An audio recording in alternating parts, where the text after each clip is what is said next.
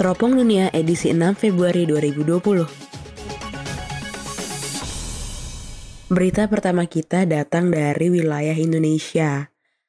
Polri akan verifikasi WNI ex ISIS yang akan dipulangkan dari Suriah.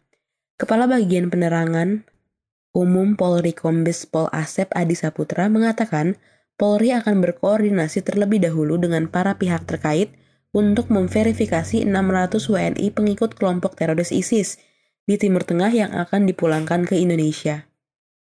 Ia memastikan pemerintah akan bertindak dengan cermat dalam memverifikasi para WNI yang kini berada di Suriah tersebut. Tidak sembarang mengembalikan, katanya. Pihaknya juga akan terus mengawasi para WNI ex-teroris ini untuk memastikan bahwa mereka tidak mengajarkan paham-paham radikalisme. Ia menambahkan, dari 600 WNI yang akan dipulangkan, 47 orang di antaranya sedang berada dalam tahanan. Sebelumnya, Menteri Agama Fahrul Razi mengatakan sebanyak 600 WNI di Timur Tengah yang sempat bergabung dengan kelompok teroris ISIS akan dipulangkan ke tanah air. Informasi tersebut diterima Fahrul dari Badan Nasional Penanggulangan Terorisme atau BNPT. Proses pemulangan mereka akan dilaksanakan dalam waktu dekat. BNPT pun menyatakan siap untuk memimpin tim pemulangan 600 WNI ex-simpatisan ISIS itu. Namun, proses pemulangan akan juga sudah ada keputusan dari sejumlah kementerian dari lembaga terkait. Berita kedua kita hari ini masih mengenai virus corona. Buah bangunan rumah sakit khusus pasien virus corona berdiri di Wuhan, Cina dalam waktu hanya 9 hari. Proyek rumah sakit bernama Hu Shinshan yang berarti gunung dewa api itu hanyalah salah satu jurus pemerintah Cina melawan wabah virus corona jenis baru. Duta Besar Tiongkok untuk Indonesia, Xiao Qian, menyampaikan sejumlah langkah yang telah dilakukan pemerintah Cina sejauh ini dalam upaya menangani virus mematikan bernama 2019 NCOV tersebut. Perjuangan pemerintah Cina memerangi virus corona terdiri dari yang pertama, Presiden Xi Jinping pimpin langsung upaya perangi wabah corona kirim tim pengarah ke Provinsi Hubei dan beberapa daerah terjangkit wabah. Otoritas Kesehatan umumkan data terkini, langkah pencegahan dan pengendalian.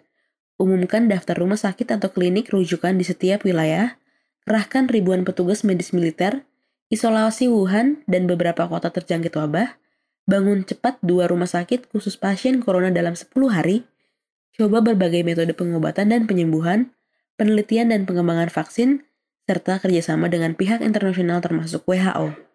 Sejauh ini sudah terdapat 20.589 kasus virus corona dengan jumlah 427 orang meninggal dan 644 pasien pulih.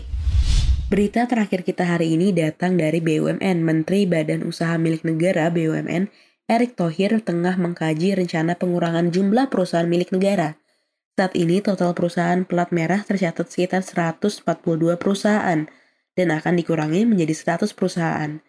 Wakil Menteri BUMN Kartika Wirjoatmojo mengatakan pihaknya sedang mencari skema tepat untuk merampingkan jumlah BUMN yang ada.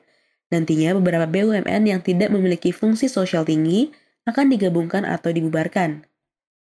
Beliau akan melihat portfolio review beliau melihat bagaimana kita menurunkan jumlah BUMN karena memang Pak Erik sudah sampaikan bahwa kita ingin BUMN lebih ramping tapi lebih efektif.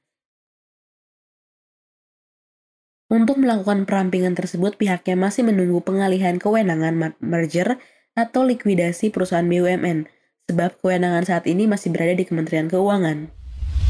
Kilas teropong dunia hari ini adalah Telkom Group buka lowongan kerja di 16 posisi. Luhut sebut Prabowo nyaman jadi anak buah Jokowi. Ibu kota baru akan dipimpin oleh badan otoritas. Sekian Teropong Dunia edisi 6 Februari 2020. Terima kasih sudah mendengarkan, semoga hari kalian menyenangkan.